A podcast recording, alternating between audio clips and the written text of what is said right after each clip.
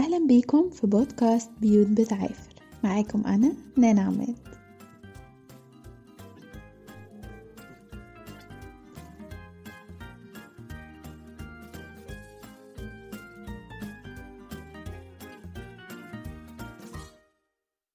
إزيكم؟ آه، مكملين مع بعض النهاردة آه، الحلقة التانية من كتاب ذنوب الآباء ومسؤولية الأبناء. بدأنا في أول فصل في الحلقة اللي فاتت. وأخدنا منه آه، مرحلتين بحسب هارم إريكسون اللي بيحكي لنا فيه عن مراحل عمر الإنسان. كل مرحلة إيه هي التحديات أو الأزمات اللي ممكن نمر بيها. أخدنا أول مرحلة اللي هي أول سنة من عمر الإنسان بيبني فيها الثقة الأساسية. تاني مرحلة لما الطفل بيكمل سنتين بتبقى سنة عند سن سنتين وثلاث سنين ودي بتبقى بنبني فيها الاستقلال. واتكلمنا عن كل حاجة في المرحلة الأولى والتانية اتكلمنا عن الإهمال العاطفي واتكلمنا عن السيطرة بتاعة الأهل إزاي ممكن تلغي شخصية الطفل. النهاردة هنبتدي مع بعض المرحلة الثالثة لحد المرحلة الثامنة وهنخلص الفصل الأول. خلينا نبتدي مع بعض. المرحلة الثالثة بتبتدي من عمر أربعة لخمس سنين عنوانها المبادرة مقابل الذنب. في المرحلة دي الطفل بيبتدي يجرب حاجات مختلفة مهارات جديدة ويبتدي يشوف رد فعلك على النتائج ديت. فلو هو مبادر وابتدى مثلا يمسك مقص ويقصقص ورق رد فعلك هيكون إيه؟ إيه ده حبيبي برافو أنت بتعمل ارت جميل قوي اشرح لي أنت عملت إيه. يلا نلون الحاجة اللي انت عملتها مع بعض أو هيلاقي رد فعلك. انت بهدلت الدنيا انت ماسك المقص ممكن يعورك. انت إزاي تعمل كده من غير ما تقولي؟ دايما تطلب مساعدة حد كبير. عارفين الأسطوانات ديت؟ الأسطوانة بقى بتاعتك اللي هتشتغل. برافو حبيبي يلا نكمل مع بعض. قولي انت عملت إيه أو التانية. دي هتخلي الطفل يتجرأ إنه يجرب مرة تاني أو يحس إنه لأ. ده أنا لما بعمل الحاجة لوحدي بتحصل مصيبة وكارثة. وببوظ الدنيا وبتعب ماما. لا أنا أستنى أحسن. سر المرحلة دي وإن ابنك يعدي منها بنجاح أو إن أنت كنت تعدي منها بنجاح هو التشجيع. إن أنت تقوله برافو كمل يلا نكتشف مع بعض. لما تكتشف حاجات جديدة تعالى قولي. أو اوعى تعمل حاجة لوحدك. أنت بتبوظ الدنيا كل مرة وبتبهدلها. التشجيع هو السر بتاع نجاح المرحلة دي. نقعد نأكد مع بعض على الفكرة ديت كتير كتير كتير لأن إحنا غالبا من التعب من الضغط من الإرهاق آه مع أهالينا تعرضنا لده. ومش عايزين نعرض ده نعرض ولادنا لده كمان دلوقتي. المرحلة الرابعة من ستة لحداشر سنة أهم حاجة في المرحلة دي عندنا كلنا دخلنا المدرسة ست سنين ودلوقتي برضو تقريبا ده السن اللي الولاد بتدخل في المدرسة. وهنا بقى بنطلع لمجتمع أكبر ومواجهات جديدة. مواجهة التعليم واللعب اللي ليه قوانين. مش في البيت كده بنلعب مع بعض ونعدي المواضيع. المهم إن إحنا نريح دماغنا والعيال تتبسط. لأ بره بيبتدي الولد يكتشف إنه القوانين قوانين. بيبتدي جواه الحماس يزيد يبقى عايز يعمل أحسن حاجة لازم يكسب في اللعبة أو في المسابقة. وكل دي حاجات هتحصل لو كان عدى الثلاث مراحل اللي قبل كده بأمان. طيب لو الثلاث مراحل اللي قبل كده كان عندنا مشكلة فيهم إيه اللي هيحصل المرة دي؟ اللي هيحصل الوقت دوت إن أنا هحس بالنقص هحس دايما إن أنا مش هقدر إن أنا أكون بكسب ما عنديش القدرة إن أنا أجرب العلاقات الجديدة دي بالعكس ببقى خايف. وده ليه حصل؟ بسبب إنه مفيش حد شجعني.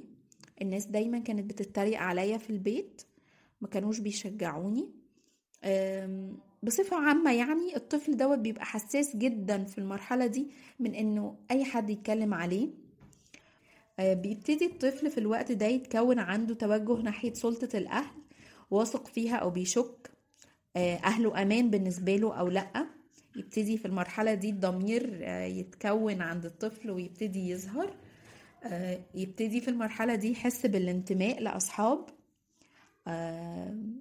ويبقى ممكن يتعرض للتحديات بقى الجديدة من التنمر وكل اللي حصل في البيت اللي إحنا حكيناه ده بقى آه، يخليه يخلينا نقدر نقول إذا كان الطفل هيقدر يواجه المشاكل الجديدة بره مع مجتمع مفتوح ومبادئ مختلفة ولا مش هيعرف يصد؟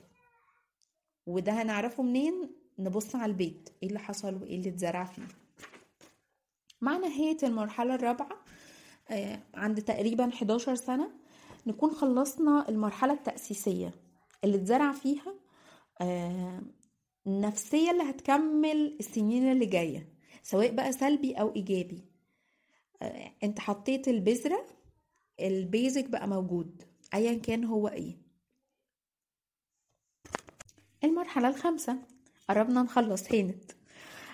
المرحلة الخامسة من 12 ل 20 سنة. دي مرحلة المراهقة وهي بحسب تشبيه الكاتب هي مرحلة جني الثمار. في المرحلة دي يبتدي يدرك الشخص نفسه أكتر يبتدي آه، يحس ويكتشف اللي اتزرع فيه بقى كل السنين اللي فاتت دي يبتدي يحس بوضوح بقى آه، إذا كان عنده ثقة بنفسه أو لأ. يبتدي يردد الكلام دوت وهو مدركه جدا جدا جدا. آه، يبتدي يدور في الوقت دوت أنا مين. يبتدي يسدد احتياجاته بطريقة صح أو بطريقة غلط. احتياجاته زي مثلا احتياجه للحب لو كان غير مسدد في المراحل اللي فاتت فنبتدي هنا نلاقي بيدور على علاقات كتير مش غير مشبعة من غير أي جدوى مش بيكمل في علاقة منهم. ليه؟ لأن هو بيدور على الحب الأساسي. بس مش عارف يلاقيه فين. هو الحب الأساسي هيلاقيه فين؟ هيلاقيه في البيت.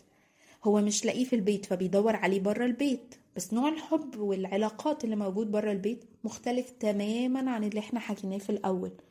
عشان كده بيبتدي الموضوع يبقى بطريقة غلط. يبتدي ندخل في دايرة من العلاقات الغير مشبعة واللي ملهاش أي مردود إيجابي على حياتنا.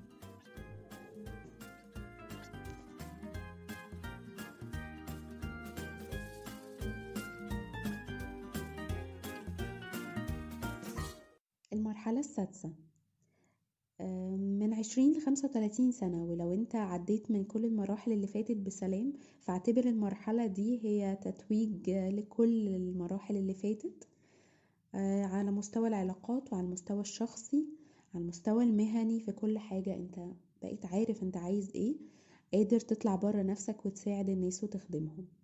الجزء السلبي في الموضوع خلينا نكون بنسمعه من خلال بنت وهي بتحكي لنا قصتها. أنا عندي خمسة وعشرين سنة. أبويا راجل مزاجنجي جدا. كل يوم برأي كل يوم بحال وهو أهم واحد في البيت. دايما كان بيعايرنا بدرجاتنا في المدرسة وبالغلطات اللي كل الولاد بتقع فيها. ماما كان دورها سلبي جدا. دايما بتوافقه ودايما تقوله عندك حق وتيجي علينا عشان خاطره. وكانت فاهمة هي وهو إن اللي بيعملوه ده هيخلينا نحاول إن إحنا نبقى أحسن. ما كانوش عارفين إن اللي بيحصل ده بيعمل فينا إيه. لاني كبرت واكتشفت إني بقيت مزاجنجية شبهه. مش عارفة أفهم أو أتحكم في مشاعري. بتنقل من شغل للتاني وأنا مش واثقة في نفسي أصلا. حتى مش عارفة آخد قرار وأبقى متأكدة إن هو صح ولا غلط. ما كنتش واقفة على أرض صلبة ولا ليا ظهر. حتى كان متقدم لي شخص بيقول إن هو بيحبني. أنا كان بيشدني ليه إن هو ثابت مش بيتغير بيقول رأيه بوضوح ومش بيخاف. بس كنت من الناحية التانية شايفة إنه مفيش ما بينا أي أفكار مشتركة. بالعكس إحنا كنا مختلفين تماما. بس أنا كنت محتاجة أخرج من البيت. كنت محتاجة أكون أنا محور اهتمام حد يخلي باله عليا ويهتم بيا. أنا كمان مش بثق في الله ومش بحس بالأمان معاه. هو شبه أبويا.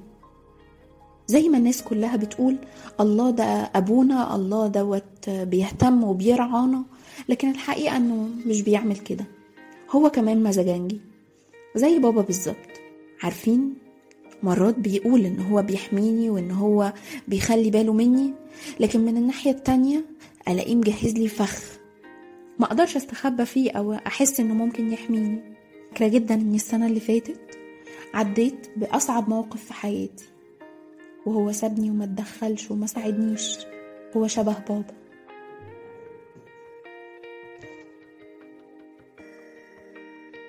زي ما سمعنا في القصة البنت دي كانت بتدور على حد يشبع احتياجاتها اللي ما تسددتش في البيت حد يحبها ويهتم بيها. حد يحسسها إن ليها شخصية وليها دور مش بس يتريق عليها ويوجعها. وده انعكس زي ما شفنا على صورة الله عندها.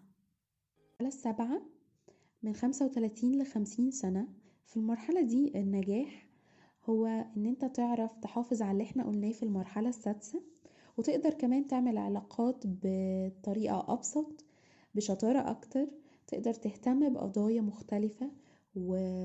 وتكون دايما بتطلع برا نفسك مش بس مركز مع نفسك.